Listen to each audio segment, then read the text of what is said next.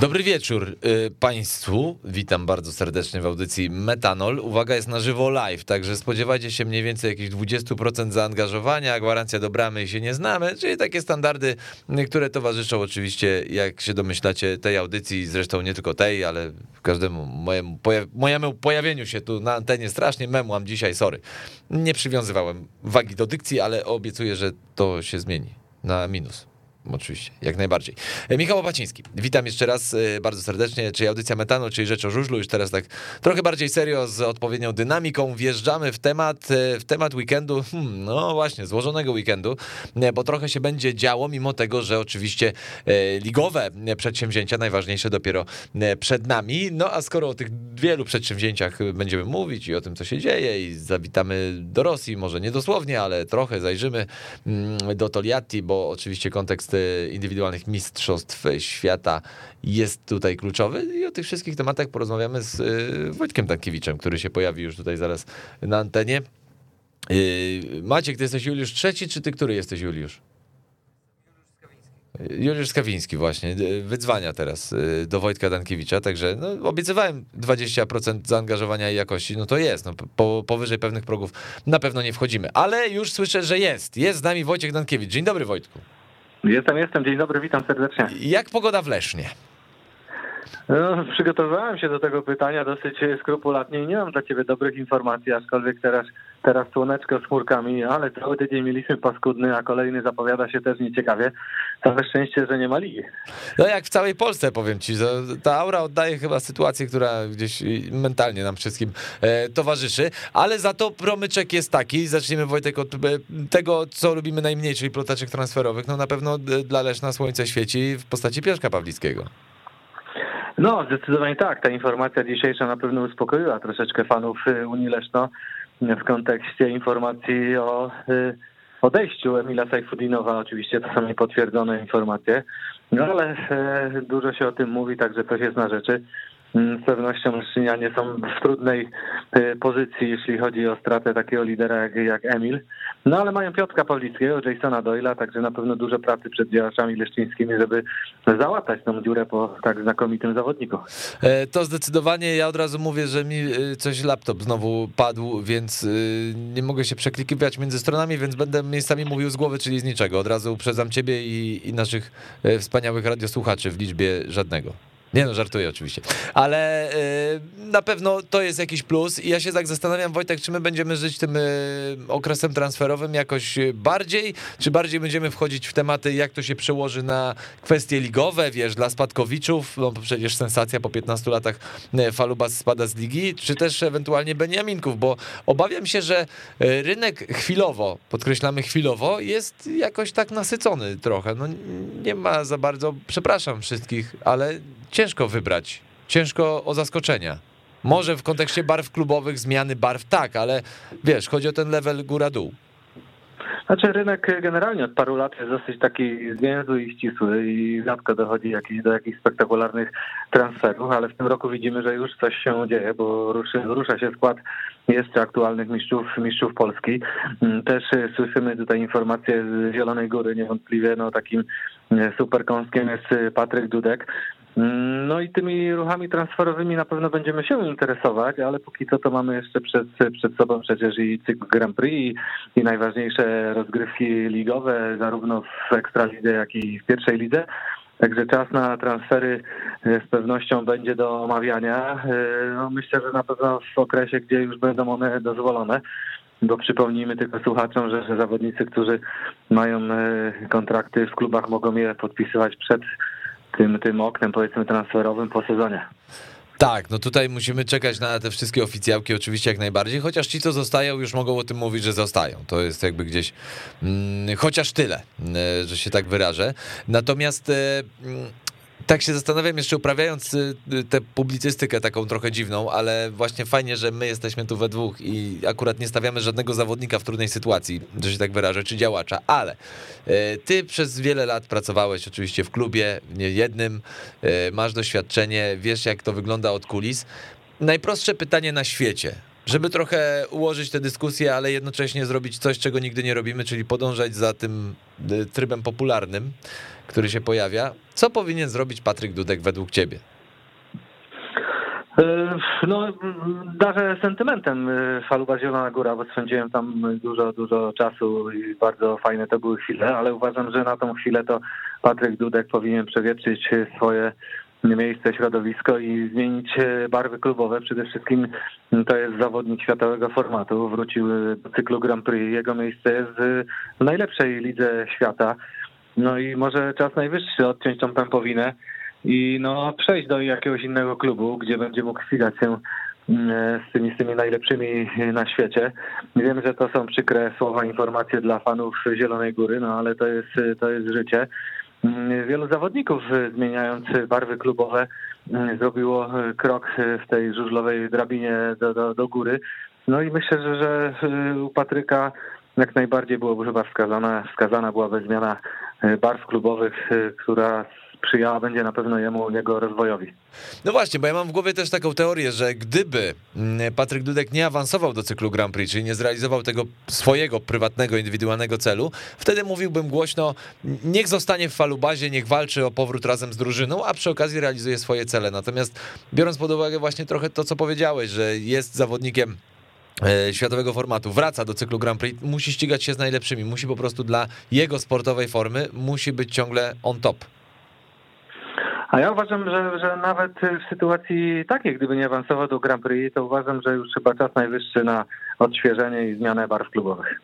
A jednak, czyli ty idziesz w ogóle w tę stronę. No, jest to uzasadnione jak najbardziej. Znaczy, trochę się z tym zgadzam, trochę nie, ale już swoją, swoją teorię przedstawiłem, ale wróćmy do tego, co ciekawsze, e, bo zastanawiam się, czy rywalizacja w Mistrzostwach Świata sprowadza się już tylko do dwóch nazwisk, jeśli chodzi o tytuł.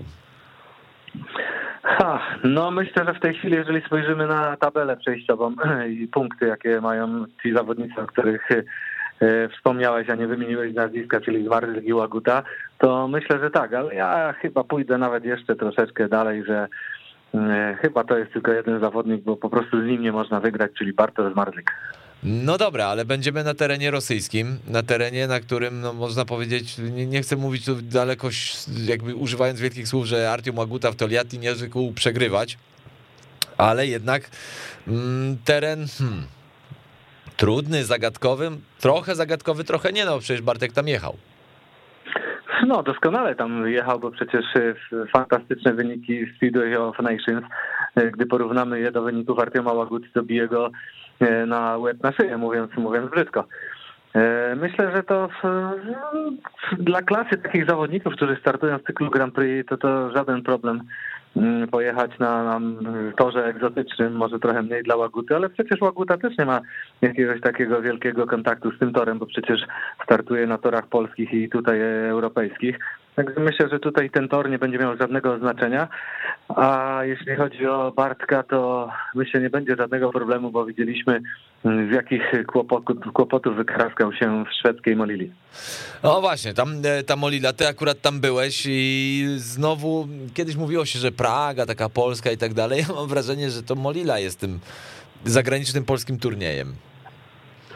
No ja myślę, że parę takich torów jeszcze byśmy znaleźli, cofając się Mm, to przecież jeszcze było takie y, polskie y, Horsens, y, polski Konin, bo przecież tam dwa razy Mazurek Dąbrowskiego za sprawą Maćka Janowskiego. No tak, no, Polacy, wiesz, Horsens było epizod... Ty wiesz, chodzi mi o to, że tak, Horsens ja jakby było de facto epizodem, patrząc teraz na czas, okres, gdzie ile było Grand Prix w Horsens, a ile w Molili, tak? Tak, tak, dokładnie, zgadza się, bo Lila przecież od wielu lat jest na mapie żużlowej Grand Prix. To bodajże chyba piąty Mazurek Dąbrowskiego w edycji chyba 16 turniejów, o ile się nie mylę, na torze, na torze w Molili. Także myślę, że tam Szwedzi nauczyli się już na pewno hymnu polskiego, chociaż w jakiejś tam części. Tak, no w Szwecji jak w domu dla, dla polskich zawodników, no bo przecież e, szwedzki żużel, no też nie ukrywajmy, Polakami stoi, no nie będziemy tutaj akurat rozważać e, regresu szwedzkiego speedwaya, ale no tak, tak jest, tak wyszło, takie są realia.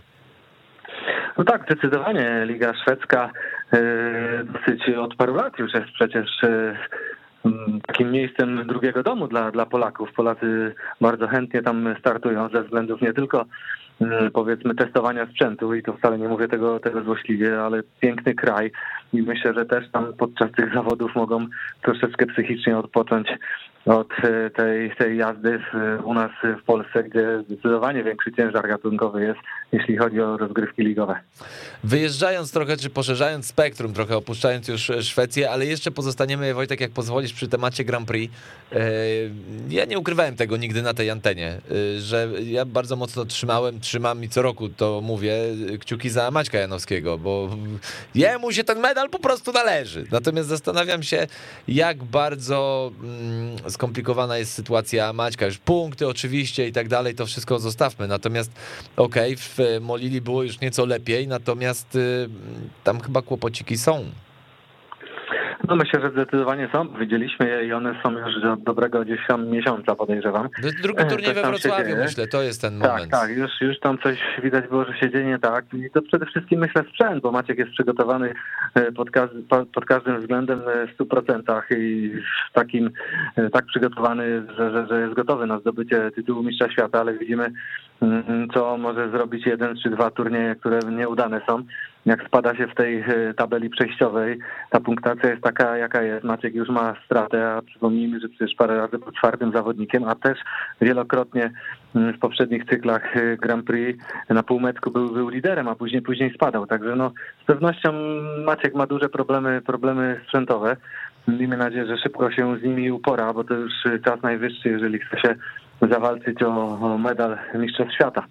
No właśnie, bo jeszcze parę tygodni temu mówiliśmy Maciek i Bartek będą walczyć o złoto, a teraz w zasadzie chyba zmieniamy o tyle retorykę w kontekście Maćka, że po prostu, żeby walczył o medal. No dodam z dziennikarskiego obowiązku 13 punktów straty do Fredrika Lindgrena, ale jest jeszcze do przeskoczenia Emil Sajfudinow. Emil będzie w pewnym sensie u siebie.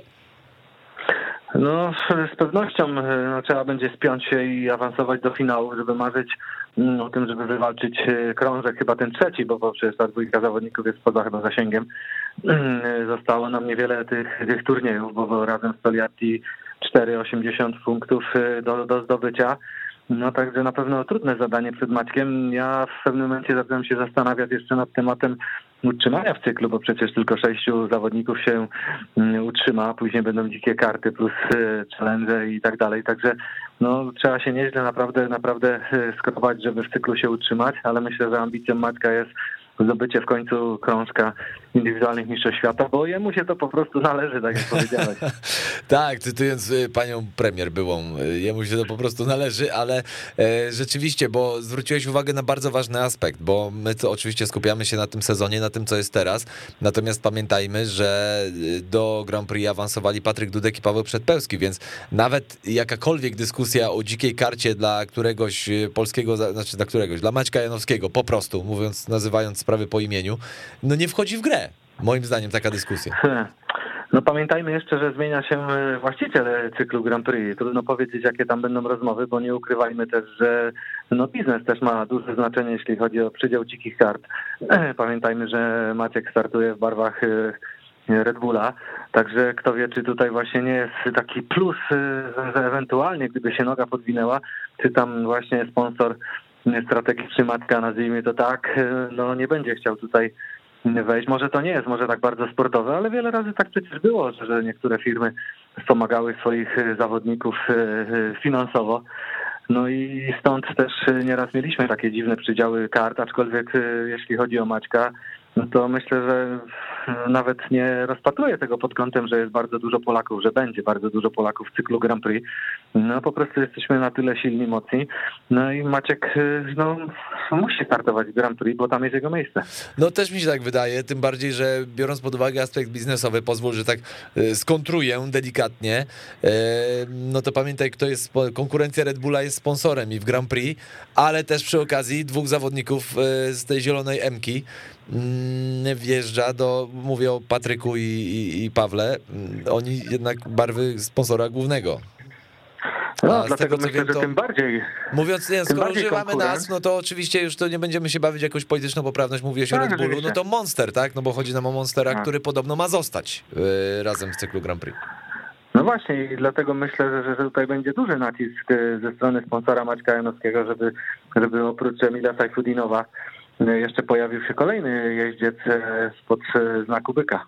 No, to jest, no tak, no to jest, to jest na pewno jakiś też argument. No zobaczymy, jak to się ułoży. Natomiast no, obyśmy nie musieli tak rozważać kwestii Maćka i dzikiej karty. Ja mówię, trzymam cały czas kciuki za to, żeby chociaż ten brązowy medal jeszcze pociągnął. Tym bardziej, że no tak jak mówisz, cztery rundy do końca. Mm, nie będą to łatwe rundy też dodajmy, bo mamy Wojens, e, mamy teraz Toliati, mamy Wojens, no a później dwie rundy w Toruniu, gdzie też w tym Toruniu różnie bywa. No, Bywa pięknie, ale różnie. Tak. No tak, tak. Żaden turniej na pewno nie jest łatwy przy, przy takiej stawce. E, no i widzimy, jak, jak ta punktacja może nam się rozjechać, jeśli zawodnik nie awansuje do, do, do, do finałów. No także no, ciężka, ciężka sytuacja, ale to myślę, że wszyscy zawodnicy mają, mogą zanotować taki up-down w zależności od swoich, swoich występów w tych, tych kolejnych rundach. Z pewnością już w Toriatti nam coś tam się E, wyklaruje. No i trzymamy kciuki za, za naszych chłopaków, żeby cały czas byli na fali wznoszącej, a nie opadającej. O, to absolutnie i, i, zdecydowanie. Natomiast e, wejdziemy w temat, Wojtek, który chyba nam obu odpowiada jest e, bardzo bliski, oczywiście związany z żużlem, ale spójrzmy na sytuację od zaplecza. To znaczy, yy, widziałeś na pewno te ustalenia PG Ekstraligi, które są, że tak powiem, nam tak ładnie dozowane, żeby nie wszystko naraz i żeby chaos jakiś komunikacyjny z tego nie wyszedł. Yy, przyznam się szczerze, że bardzo mi się podoba i to mówię głośno, yy, temat, którego nie zdążyliśmy w magazynie poruszyć, bo czasu zabrakło, ponieważ mecz się przeciągnął w Grudziądzu, przepiękny zresztą mecz, myślę, że się zgodzisz. Yy, temat y, chociażby właśnie Ekstraliga U24, może mam tu wątpliwości większe, ale na pewno nie mam wątpliwości co do tego fajnego pomysłu na ten camp, showcase dla młodych zawodników, e, żeby mieć przegląd pola i sytuacji. No, myślę, że tu bardzo dobre działania PG Ekstraligi o stworzeniu takiej ligi U24. Pytanie, w jakiej to tam będzie formie, czy, czy na razie mamy jakieś tam informacje organizacyjne i regulaminowe. Na ile one się jeszcze zmienią, zobaczymy, no bo parę też tam takich pytań jest i wątpliwości, ale myślę, że bardzo dobre tu działanie zarządzających rozgrywkami, no, że, że taki twór, brzydko mówiąc, powstał, by mogli rozwijać się zawodnicy, którzy no, mniejsze szanse mają na to, żeby ścigać się w zawodach, w zawodach ligowych, w ten sposób rozwijać się. Ja często mówiłem, że ja bym poszedł jeszcze dalej, że, że dla juniorów naszych wprowadziłbym limit wieku do 23 lat, E, tu mamy 24, już w tym roku gdzieś to funkcjonuje. Nie zawsze to funkcjonuje tak, jak należy, bo, bo, bo widzimy, że czasami mamy też keflary w niektórych zespołach, ale myślę, że kierunek jest dobry. Myślę, że będzie dużo za i przeciw, a dopiero jakieś wnioski konkretne będziemy mogli wyciągać po przejechanym sezonie gdy to wszystko gdzieś tam w praktyce się przejedzie. Ja się tak zastanawiam, e, tak czysto po ludzku teraz, ile Mm, czasu realnie poczekamy na efekty tych pomysłów. Ja stawiam, że 3-4 lata. O, myślę, że zdecydowanie tutaj musimy poczekać. To nie piekarnia. Wiemy dobrze, że to jest y, sport, który wymaga bardzo dużo czasu, żeby, żeby jakieś tam diamenty zostały szlifowane. Nierzadko trafiają się takie diamenty jak Patryk Dudek, Bartosz Zmarwicz czy, czy inna plejada naszych młodych zawodników. Mm, dlatego to wszystko no, naprawdę jest y, konieczne, ten czas. Y, widzimy też tutaj, że że Związek Polski Związek Motorowy idzie w dobrym kierunku, mm, bo trener kadry narodowej Rafał Dobrucki już wdraża swój plan, o którym mówił bardzo, bardzo dawno temu, czyli szkolenie już na tych najmłodszych motocyklach, dla tych najmłodszych, najmniejszych, od tam pitbike'ów i tak dalej, i tak dalej. Także no, potrzebny jest na pewno czas i tak jak mówisz, 3-4 lata, to myślę, że tak e, optymistycznie możemy patrzeć, ale ja i tak już patrzę na to e, pod takim fajnym, ciepłym kątem, bo widzimy, że, że to już zaczęło przynosić pewne efekty, jeśli chodzi o licencję w tym roku, bo przecież mamy e, parę fajnych nowych nazwisk, jeśli chodzi o młodzieżowców, którzy będą reprezentować Polskę. A to jest też pokłosie właśnie tych startów na tych gdzieś minitorach, czy, czy, czy chwytanie manetek pitbike'ów. Także fajna sprawa.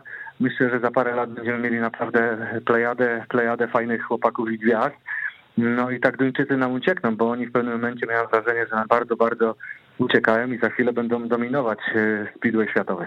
No też mam takie wrażenie, zwłaszcza, że no zresztą tak jak mówimy, może nie rychliwie, ale że tak powiem sprawiedliwie, że fajnie, że coś takiego e, powstaje, dlatego że e, pamiętam Wojtek takie obrazki sprzed x lat, jak chociażby były turnieje w Kopenhadze czy w Wojens, e, kiedy przed, no tego kamery telewizyjne nie pokazywały, chyba tylko duńskie, na duńskich antenach, ale kiedy była prezentacja zawodników, którzy startowali w tym turnieju, przed prezentacją wyjeżdżało no nie powiem tabun, ale bez liku yy, dzieciaków na właśnie pitbajkach, na potem tych malutkich osiemdziesiątkach, na 125 i na 250 ten tor, oni się tam nie mieścili na tym torze, a niektórzy wręcz yy, no, mieli problem, bo żeby się załapać do tej ekipy, bo ich było aż tylu i wcale bym się nie zdziwił, gdybyśmy dzisiaj podeszli do Andersa Thompsona i się zapytali, ej Andrzeja, ty tam byłeś? Ja bym nie był zaskoczony, gdyby powiedział, że tak, tak, byłem dzieckiem, dzieckiem, które tam jeździło, bo tam rzeczywiście wow, no przerób tych dzieciaków był niesamowity. No, piękne obrazki na pewno i myślę, że przykład Andersa Thompsona podałeś bardzo fajny, ale przecież jeszcze możemy tutaj wrzucić Mikiela Mikkelsena, e, który też e, tak zaczynał. Ja pamiętam jego kiedyś, nie wiem już jakie to były lata, też na Grand Prix w, Wojens. On był zawodnikiem rezerwowym, wtedy był jeszcze takim juniorem nieopierzonym. No a dzisiaj Fatlecy jest już mistrzem przecież Europy i, no i w przyszłym roku pełnoprawnym uczestnikiem cyklu Grand Prix, także widać, że tam rozwój w Danii jest bardzo, bardzo fajny i to widzimy też po no, wylewie tych zawodników, którzy co roku gdzieś pojawiają się na naszych torach nie tylko ekstraligowych, ale przecież pierwszoligowych, bo jakbyśmy przeanalizowali składy, to w każdej z drużyn jest tam Duńczyków no bardzo, bardzo dużo. Tak, no ja się tak, e, zresztą sam wiesz, e, bo sam, sami to robimy na antenie w firmie Matce, że się śmiejemy e, czasami, że jak staje dwóch Duńczyków z jednej drużyny pod taśmą startową, to i tak mamy Mistrzostwa Danii, ale to też właśnie wynika z tego, że oni są w tej konkurencji, w tej rywalizacji wychowywani, co ma swoje, moim zdaniem, w tym sporcie konkretnym, bardzo dobre strony strony. A to w ogóle w sporcie ma bardzo dobre strony, jeżeli zawodnik jest zmotywowany, napompowany. Ja czasami żałowałem, że my Polacy tak jakoś podchodzimy troszeczkę ze spuszczoną głową. Każdy z Duńczyków czy, czy z jakiejś innej nacji podchodząc do każdych zawodów mówi, że chce je wygrać, chce być mistrzem świata. Nawet czasami to są śmieszne sytuacje, bo mówią to ludzie, którzy nic wielkiego nie osiągnęli, ale ta mentalność jest bardzo ważna. No widzimy jak się zachowuje na przykład Niki Petersen, on wchodząc przecież do, do parku maszyn, z niektórymi zawodnikami wygrywa, także to jest fajne, takie budowanie tej pewności. No w sporcie jest to, jest to konieczne, mm, tu nie ma zmiłuj się, no i po prostu trzeba w końcu podnieść tą głowę do góry i uwierzyć w siebie, bo zawsze ten drugi jest pierwszym przegranym.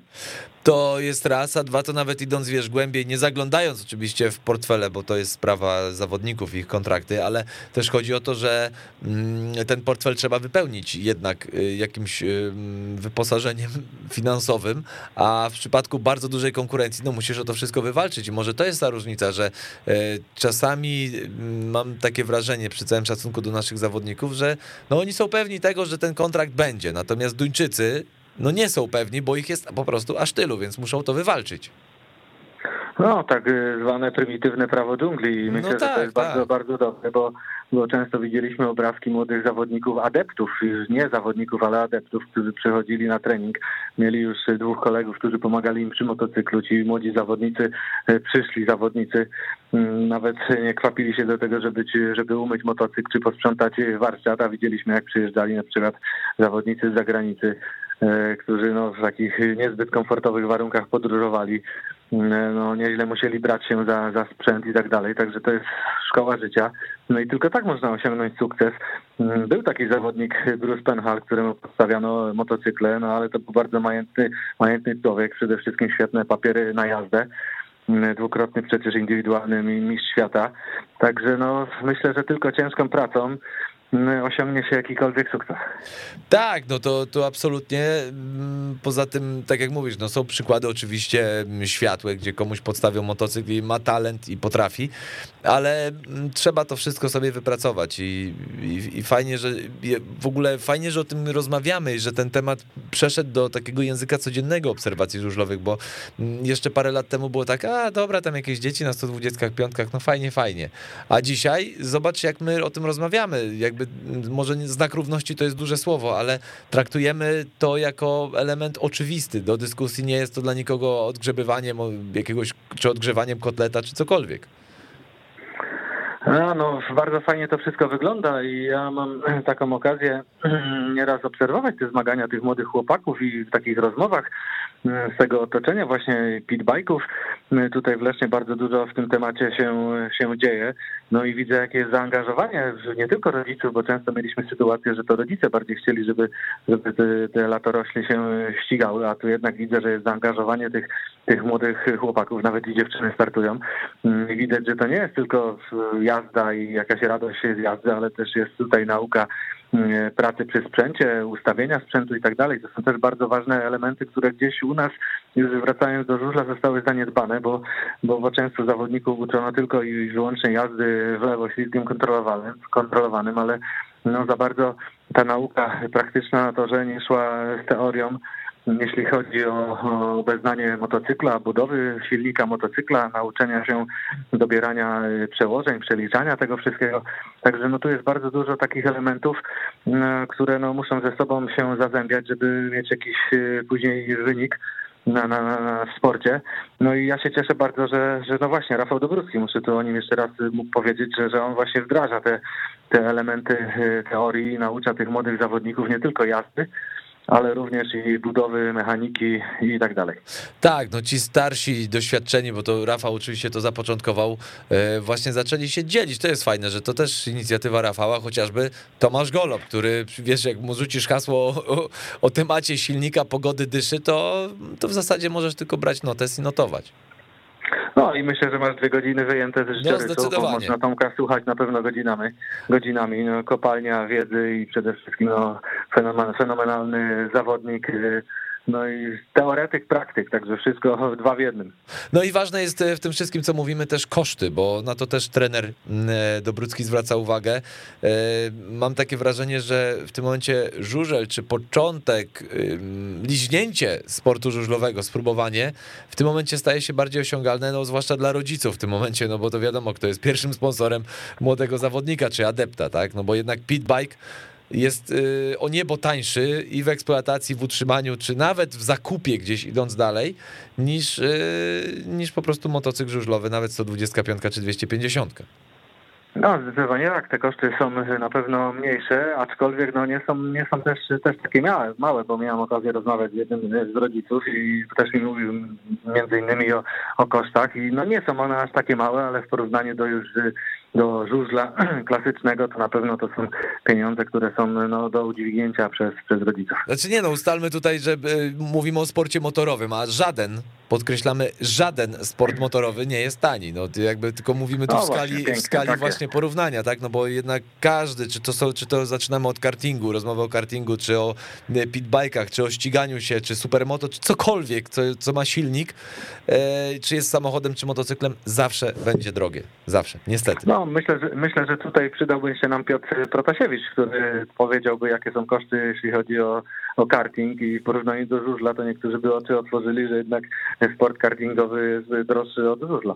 Tak, tak, bo to się tak wydaje, a takiego karty, no ale dobry y, go-kart to i nawet y, pod 50 tysięcy może podejść.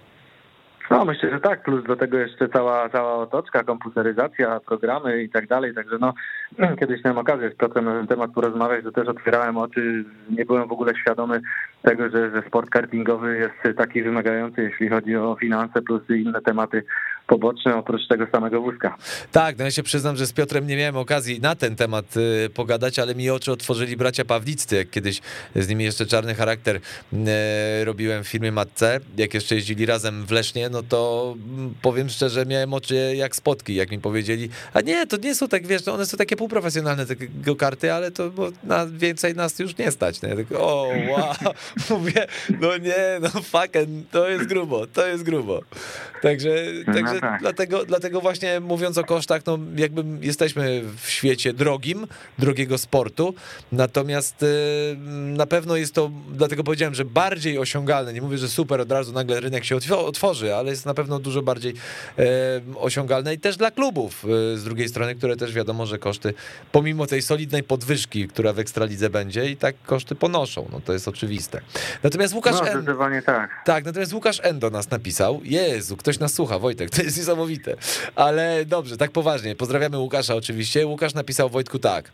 Parę razy obserwowa obserwowałem trening dzieciaków w Bydgoszczy. To z jaką pasją oni to robią i jak szli na żyletki w wyścigach, tylko przyklasnąć. No właśnie to jest y, ten element właśnie sportu, rywalizacji sportowej. No to bez tego niestety nie będzie żadnych sukcesów. Ja troszeczkę się obawiam jednej innej sprawy, że mm, żeby za bardzo nie było nacisków właśnie rodziców y, na te wygrywanie, bo tu jednak jest czas przede wszystkim na naukę tu trzeba wyciągać wnioski i myślę, że profesjonalni trenerzy muszą być przy tych młodych chłopakach, bo doskonale wiemy, jak często zachowują się rodzice, którzy chcą spełnić swoje marzenia na barkach swoich y, dzieci. Mm, no i chęć wygrywania jest ponad wszystko. Zresztą myślę, że ten temat drąży w ogóle nasz y, cały sport, bo jakbyśmy wrócili gdzieś, czy może nie wrócili, ale przytoczyli piłkę nożną, te wszystkie akademie i tak dalej, jakie tam są różnego rodzaju podejścia, jeśli chodzi o przygotowania tych młodych zawodników, mentalne, psychiczne i tak dalej, i porównać to do, do jakichś tam szkółek na, na, na zachodzie, to całkowicie inaczej to wygląda. I ja myślę, że tu może być problem i dlatego chyba szybko trzeba będzie zrobić z tym porządek, dlatego są poważni, potrzebni profesjonalni trenerzy, którzy będą mogli trzymać w boksach rodziców, bo to chyba oni są czasami największym zagrożeniem dla tych młodych jeźdźców. No tak, sam Wojtek, znaczy jakby nie usprawiedliwiam tych szalonych rodziców, no bo tu mówimy o tych naprawdę szalonych rodzicach, ale sam, y, wiesz, no twój syn jest już dorosły, tak, już ma swoje życie, natomiast, y, no, że tak powiem, no, byłeś ojcem młodego chłopaka, e, który gdzieś tam jakoś się udzielał, czy to był sport, plastyka, czy cokolwiek, każdy rodzaj e, jakiejśkolwiek rywalizacji, no w rodzicach to budzi, ja to przerabiam teraz właśnie i jakby też staram się, chciałbym bardziej niż moje dzieci czasami. I to jest, to A, jest to niebezpieczne. Jest, to jest naturalne. Naturalne, tak, ale naturalne. niebezpieczne, no, jak przestajesz to kontrolować, no bo czasami trzeba No te ręce właśnie. w kieszeń włożyć, odwrócić się czasem nawet plecami i, i nie patrzeć na to, bo żeby, nie, żeby dziecku nie przeszkadzać i trenerom, i trenerom. Oczywiście rodzice są e, bardzo potrzebni na to, żeby zaszczepić e, w dzieciach różnego rodzaju potrzeby i ciekawostki, bo być może gdzieś są one nieodkryte i trzeba wskazać tym młodym, młodym ludziom, ale nic nie wolno robić na siłę, dlatego tutaj taki no, bardzo szeroki e, pogląd powinni mieć rodzice. E, No i dać ten duży wachlarz swoim pociechom, bo tylko wtedy będzie można sprawdzić, w czym one e, chcą się sprawdzić, chcą jaką dyscyplinę chcą uprawiać. No to są te poważne, takie rodzicielskie i psychologiczne. E, Ale mam nadzieję, że świadomość e, wśród rodziców jest e, coraz większa i te pociechy będą kierowane naprawdę pod oczami no, wykwalifikowanych trenerów w dobrą stronę. Tak, no zwłaszcza, że tak jak wspomnieliśmy o tej piramidzie szkolenia, bo to się tak ładnie nazywa, e, cała piramida szkolenia, a propos tego projektu zainicjowanego przez y, jakby same, u samego źródła przez Rafała Dobruckiego, to patrząc też na sztab ludzi, który tam jest, e, wygląda to naprawdę fenomenalnie. Dlaczego o tym mówię? Dlatego, że Łukasz e, znowu nam się uaktywnił. Pozdrawiamy jeszcze raz Łukasza N., który pisze, że w Bydgoszczy trener Jacek Woźniak fajnie ogarniał rodziców i fajnie to chyba trzyma e, z boku, tak? To przynajmniej e, wyglądało e, pisze Łukasz. No i bo właśnie Jacek Woźniak jest też e, w, tym, w tej piramidzie szkolenia jako odpowiedzialny właśnie za chyba 250 mini żużel, z tego co pamiętam. Czy 125? No, Jacek Woźniak, Jacek Woźniak mnóstwo lat pracuje przy tym mniejszym mini żużlowym sporcie z dużymi sukcesami. Zresztą no, bardzo ciekawa w ogóle zabawa Jacka, bo, bo to naprawdę człowiek bardzo spokojny i ma podejście, można powiedzieć, takie pedagogiczne.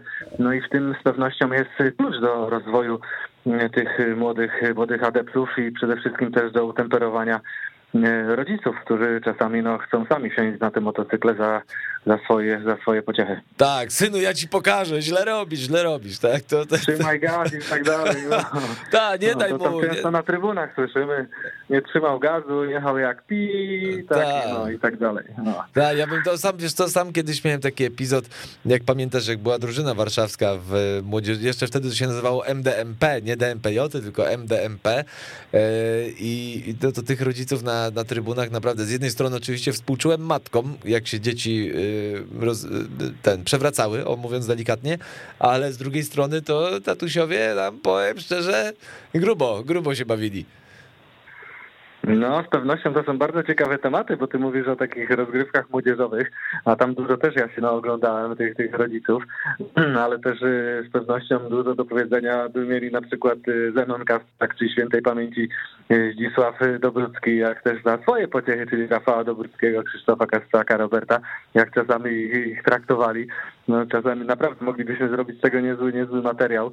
E, no nie były to na pewno miłe słowa i łatwe sytuację dla tych młodych chłopaków, ale to byli e, ojcowie, którzy na żużlu jeździli, a najgorszym jest to, jeżeli ktoś nie uprawiał tej dyscypliny sportu i próbuje mm, nauczać. Ja też e, znałem takich prezesów, którzy potrafili w parku maszyć, maszyn uczyć zawodnika, jak ma, jak ma w łuk wchodzić. Także no to sytuacje są naprawdę bardzo, bardzo, bardzo ciekawe, czasami śmieszne i takie wręcz nawet żenujące. Tak, no to właśnie, jak o tym opowiadamy z jakiejś tam perspektywy czy dystansu, to jest to przekomiczne czasami, ale mm, wtedy, kiedy się to dzieje, to wcale do śmiechu chyba nie jest. O ile ojców żużlowców e, w kontekście synów e, żużlowców można usprawiedliwić, no bo jednak wiedzę mają, coś, o coś chodzi, tak? E, I to jest po prostu raczej taki ambicjonalny chyba konflikt ojca z synem, przerabiałeś to na pewno no, u siebie pewno. w domu, ale, ale gorzej jest właśnie jak ktoś nie jeździł, tak jak nie wiem, mój, jeden z moich powiedzmy synów miałby jeździć na żużlu, czego bym nie chciał osobiście, ale gdyby już się uparł i miałoby do tego dojść, no to ja raczej muszę wsadzić ręce w kieszeń i siedzieć i zamknąć dziób, bo ja po prostu nie jeździłem na żużlu, tak, no i no ale to nie każdy niestety takie podejście ma. Natomiast Jabol y, do nas pisze, u, u, użytkownik ten słuchacz. Nie, nie, nie ten. E, użytkownik słuchacz. E, co się dzieje ze szkoleniem w Szwecji? Z kraju Ricardsona dawno nie wyszedł gruby talent. Szwedzi w Bauhaus Ligan to kewlary statyści. Brutalne, Wojtek, ale prawdziwe. Nie, tak, jak najbardziej prawdziwe, bo, no bo regres w Szwecji trwa już od, od iluś lat i tam nie widać jakichś jaskółek. które by mogły pociągnąć żużel szwedzki gdzieś znowu na, na, na wyżyny. Ja myślę, że problem polega na tym, że mm, jednak raz, że zainteresowanie tym sportem jest zdecydowanie mniejsze niż, niż w Polsce. Myślę też, że infrastruktura jest no, taka, taka, jaka jest. Bo, bo nie wszyscy wiedzą, że no w Szwecji raczej te stadiony, no widzimy to na obrazkach telewizyjnych. Jeżeli w Malili odbywa się Grand Prix w lesie miejscowości, która ma 1300 mieszkańców, no i widzimy, ile tam ludzi wszedł na trybuny, jak te trybuny przede wszystkim żyją. To jest typowy jakiś taki piknik. Myślę, że jeżeli e, można byłoby kiedyś zorganizować mecz e, ligowy w Szwecji, na przykład e, Gorzów Zielona Góra i pozwolić przyjechać kibicom, to wtedy Szwedzi otworzyliby oczy, jak to wygląda wygląda u nas. Znaczy tak, wiesz, tutaj no, akurat tu ci wejdę w słowo, to, to jeszcze kwestia, wiesz, populacji kraju, jakiejś tam kultury a, funkcjonowania. Chciałem o tym powiedzieć. Mhm. Tak, to też, też prawda, bo przecież to, to Szwecja, nie wiem, 8 milionów czy 8,5 miliona, nie ma to porównywać, aczkolwiek nie zawsze te dane statystyczne troszeczkę e, tak denerwowały, bo przecież Polska naród e, o wiele bardziej liczebny, a czasami nie może sobie poradzić z małą Danią czy z innymi, nie mówiąc o piłkarzach e, z Islandią. Także no to są takie ciekawości już do, do rozważenia przez naukowców. No ale generalnie no, problem duży na pewno jest w Szwecji. Myślę, że tam mm, musiałoby pójść jakieś większe zaangażowanie, zainteresowanie tym sportem i być może wtedy coś by zaczęło się dziać, a jeżeli to będzie tylko wyglądało na zasadzie, że, że jedziemy jakiś mecz ligowy od czasu, czasu Grand Prix, no to tego zainteresowania tak naprawdę nie ma. Znaczy, wiesz co, ja tak się zastanawiam, oczywiście nie, nie będziemy tutaj grzebać w systemie szwedzkim, ale mam wrażenie, że to chyba kwestie systemowe yy, bardziej są wiążące, znaczy ważne, żeby tam się coś zmieniło na, na tak zwanej górze, dlatego że zobacz, y, Grand Prix w Göteborgu, Grand Prix w Sztokholmie, e, gdzieś tam było Grand Prix, e, nie mówię, nie mówię o Molili, tak? Mówię o dużych stadionach, gdzie paradoksalnie tych kibiców było sporo. Nie wiem, ilu było Szwedów. Podejrzewam, że mniej niż tak zwanych kibiców międzynarodowych, rzeczywiście. Ale jeżeli tego potencjału nie wykorzystano, to to kurczę, słabo to widzę, bo rzeczywiście, tak jak Jabol napisał, no jest to brutalne, ale prawdziwe, że szwedzcy zawodnicy, nie mówimy o Lindgrenie yy, i dziękuję to wszystko, yy, no to są po prostu statystami, no i, i tu jest ten kłopot, bo wiesz, jeszcze bo porównuję to, wiesz, nie do Polski, a do Danii na przykład, bo w Danii też jest taki piknikowy nastrój na, na stadionach, też nie są to jakieś okazałe obiekty, tam szkolenie dzieciaki funkcjonuje. W Szwecji? No właśnie, to jest takie ciekawe, bo przecież Szwedzi bardzo duże sukcesy, też Tony Rickardsson i też miałem takie wrażenie, że Lindgren pociągnie tą, tą młodzież, młodzież szwedzką do tego, by uprawiać tą dyscyplinę sportu, ale tu jednak nie, bo poza właśnie Lindgrenem, gdzieś tam Lindbeckiem z jakimiś przerywkami, teraz Oliver Berton, ale to też przecież mm, no, z całym szacunkiem, ale widzimy jak jeździ. No nie, no dokładnie. Teraz no. Artgren, który gdzieś tam się pokazuje, no i jest tam paru młodych chłopaków, którzy gdzieś tam w pewnym momencie jeszcze, jeśli chodzi o szkolenie juniorów, to gdzieś tam się pokazują i no i nie mówię, że są jednymi z lepszych w Europie, no ale gdzieś tam paru nich tak potrafi wyskoczyć, jak Filip Skonopi na niektórych zawodach młodzieżowych, no ale to później gdzieś tam się kończy i, i myślę, że to, to dobrze, dobrze powiedziałeś, to wszystko gdzieś tam jest na górze. Myślę, że organizacyjnie to kuleje. I tam by trzeba było zacząć. Trzeba przede wszystkim chyba no, zacząć lepiej propagować ten sport w Szwecji, żeby zachęcić tych młodych ludzi do uprawiania tej dyscypliny. Z pewnością kraj, który na pewno jest bogatszy od naszego i myślę, że tam rodzice nie mieli aż takich problemów, żeby posłać swoje pociechy do uprawiania tej dyscypliny sportu. Także no, problem na pewno jest, jest złożony i tak z kapelusza znaleźć te przyczyny myślę byśmy nie znaleźli, skoro podejrzewam, że Federacja Szwedzka też na pewno szuka tych przyczyn i nie może znaleźć. No tak, to jest najsmutniejsze, tym bardziej, że wiesz co, ja tak sobie myślę nawet o infrastrukturze tych szwedzkich stadionów, a na kilku byłem, nie na wszystkich oczywiście, ty pewnie dużo więcej tych stadionów odwiedziłeś w Szwecji niż ja, ale y, mimo wszystko one są tak urocze, to jest, jest jakiś klimat, wiesz, że jesteś w Szwecji, wiesz, że ten stadion w 90% przypadków jest po prostu w lesie obok jakiejś miejscowości, ale to jest okej, okay, no taki jest kraj, taka populacja, że wiesz, że, Szwe że Sztokholm y, rządzi, rządzi, Malmę e, rządzi, w sensie liczebności, a reszta no to są małe wioski, no okej. Okay. Ja nie mam z tym problemu, bardziej właśnie zastanawia mnie to, że mówię, nie porównuję do Polski. Polska jest dużo większym liczebnościowo krajem, x razy większym, ale taka Dania, która jest porównywalna, nawet mniejsza chyba, jeśli chodzi o populację, e, ilość mieszkańców, a klimat podobny, a dają sobie radę. No i jakby to mnie zastanawia, ale wiesz, też smutne jest to, patrząc na składy drużyny Ligi Szwedzkiej, no fajnie, że jeżdżą nasi zawodnicy, ale tam Szwed to najczęściej jest junior i to jeszcze ten junior, który w meczu pojedzie dwa razy. No i właśnie to jest taka ciekawa zależność między Szwecją a Danią, gdzie przecież te rozgrywki duńskie są zdecydowanie słabsze niż, niż szwedzkie i mimo wszystko, że w Szwecji no, można powiedzieć, że to jest druga liga na świecie, jeśli chodzi o siłę uderzenia.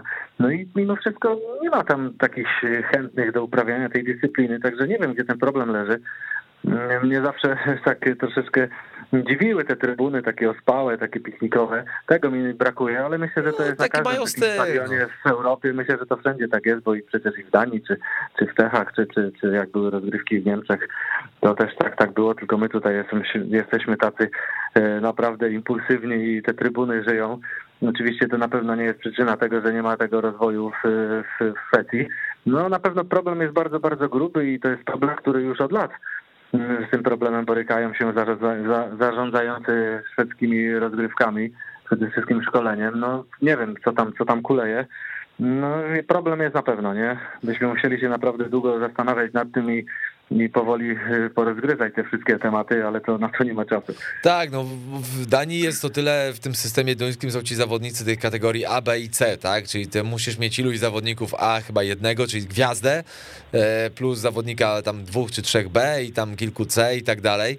Może to jest jakieś uzdrowienie, no ale to, tak jak podkreślamy, no nie jesteśmy od uzdrawiania szwedzkiego speedwaya. Na pewno to, co jesteśmy w stanie stwierdzić we dwóch tu, siedząc w tym, stu, znaczy ty tam, ja tu, ale rozmawiając na antenie, to to, że rozwala system szwedzki to, że jeden zawodnik może jeździć w jednej i w drugiej lidze non-stop. Nie mówimy o kwestii gościa, nie mówimy o jakichś e, roszadach, które są poukładane, tylko po prostu zawodnik może mieć dwa kontrakty tu i tu, tak jak w Anglii zresztą, no i koniec. No i to już blokuje miejsce. No i być może to jest też jedna z przyczyn i myślę, że na pewno jest, y, ponieważ y, no, ci, którzy zarządzają tymi rozgrywkami, no, są po prostu leniwi i w ten sposób y, mają opieczone dwie pieczenie przy jednym ogniu, bo zawodnik może startować i w jednej i drugiej klasie rozgrywkowej.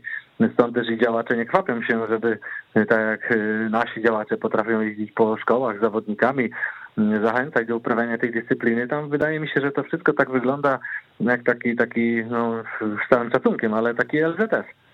No trochę tak, jak tak mam cały czas, jak to mówisz, to mam obrazki z Wasterwik, wiesz, i y, jak tam byłem parę razy tam przy okazji jeszcze wtedy drużynówki, I, no i tak jak popatrzyłem na to wszystko, porozmawiałem z tym, z tamtym, a mówię o Wastervik, no nie tylko dlatego, że tam byłem, ale piękny obiekt, miejscowość z potencjałem, naprawdę bardzo dużym, bo to taka jastarnia szwedzka, więc naprawdę bardzo fajne miejsce w ogóle.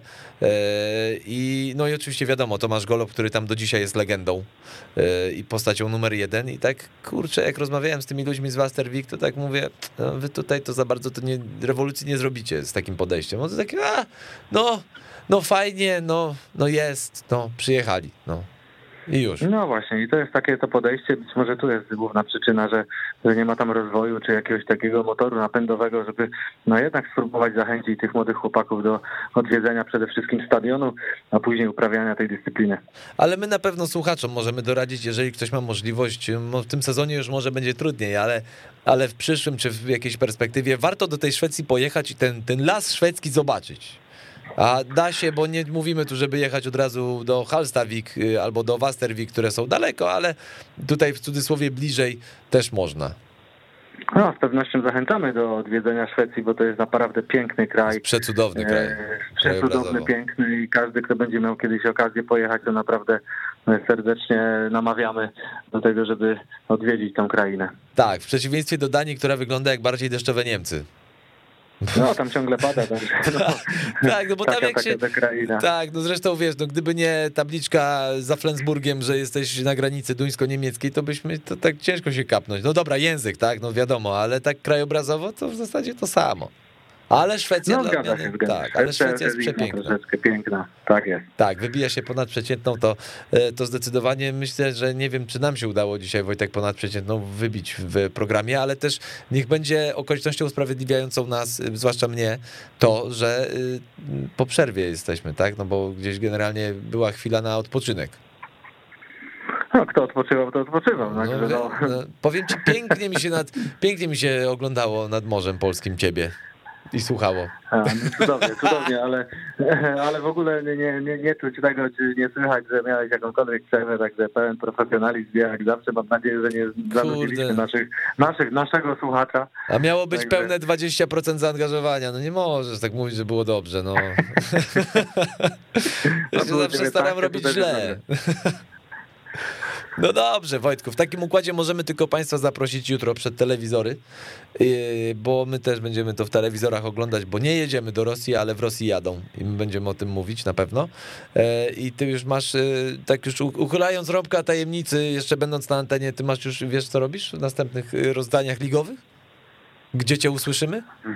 Nie, nie, nie. nie Wiem na pewno, że, że będę mógł oglądać na żywo i komentować Mistrzostwa Polski par klubowych, które będą 3 września w Grudziądzu i też wszystkich, którzy nas słuchają, zapraszamy do Grudziądza, bo przecież to też e, zawody rangi Mistrzostw Polski z pewnością bardzo ciekawe. Oczywiście ja jestem e, fanem, naprawdę jestem fanem rozgrywek e, parowych. Uważam, że to jest, okej, okay, kwintesencją Speedwaya zawsze będą zawody indywidualne, ale dobry bieg w mistrzostwach par e, to jest majstersztyk. To zdecydowanie Oj, pokazuje, tak, to brakuje, mi, brakuje mi naprawdę, brakuje mi naprawdę e, takich właśnie zawodów, gdzie zawodnicy potrafią pojechać parą. Coraz mniej jest takich zawodników, którzy chcą w ogóle jeździć parą i miejmy nadzieję, że sobie odkurzymy troszeczkę fajne wspomnienia z dawnych lat, gdzie Tomasz Golob czy inni świetni zawodnicy potrafili e, jechać, holować swoich kolegów, pomagać na to, że te zawody wtedy były fantastyczne. W ogóle kalendarz się fajnie układa, tak już e, kończąc powoli, dopływając do brzegów naszej audycji, że e, teraz na podtrzymanie Grand Prix, a później już smaczek playoffów, ja mogę ze swojej strony do Rybnika zaprosić, bo przecież play, w pierwszej lidze też playoffy. To jeszcze krótko, ta pierwsza liga i te playoffy. Najkrócej Wojtek jak się da. Jak to widzisz? Bardzo ciekawie. A wiedziałem, że to powiesz, ale mm, ktoś wybija ci się ponad przeciętną w tej czwórce, która tam będzie walczyć? Myślę, że nie, bo żużel jest tak specyficzny, że to będzie kwestia dyspozycji dnia, pechu, szczęścia i tak samo w Ekstralidze. Wszystko jest możliwe. Bardziej martwi mnie problem tego, który wywalczy awans bezpośredni do PG Ekstraligi, jak sobie później poradzi w rozgrywkach tych najwyższej klasy rozgrywkowej. No to już jest melodia przyszłości, aczkolwiek rzeczywiście te cztery kluby teraz już muszą powoli o tym myśleć w kontekście awansu, co dalej. Będzie naprawdę interesująco i tu publicystyki i różnego rodzaju dyskusji, raportów na pewno nie zabraknie. My możemy z naszej strony, Wojtek, mam nadzieję, że się z tym zgodzisz, życzymy Państwu w playoffach co najmniej co najmniej podkreślam, tak pięknych meczów, jakie mieliśmy yy, pomiędzy Grudziądzem a Częstochową. To był wyśmienity mecz. To był mecz, gdzie było wręcz... ściganie, gdzie był idealny mecz żużlowy. Po prostu. I jaka dramaturgia, bo przecież tak. to był tak naprawdę trójmecz, bo zawodnicy Falubazu siedzieli przed telewizorami i też na pewno tam e, jechali wspólnie no. z drużyną częstochowską oni. Także no, ja jestem wręcz pewny, że, że te zawody będą fantastyczne. To w końcu są rundy finałowe i w pierwszej i, i w ekstraklasie, także na pewno mecze będą bombowe. I tym pozytywnym akcentem e, kończymy na dziś. Wojtek Dankiewicz, ekspert Kanal Plus. Dziękuję Ci Wojtku bardzo za Twój czas. Dziękuję, dziękuję bardzo. Dziękuję również e, Michał Opaciński, ja się nazywam i również żegnam Was, ale nie o ziemble, a wręcz bardzo gorąco zachęcając do tego, żebyście śledzili, bo żużel warto, jest przepięknym, przecudownym, przefantastycznym sportem. Trzymajcie się, miłego dnia, cześć. Słuchaj nas na weszło.fm.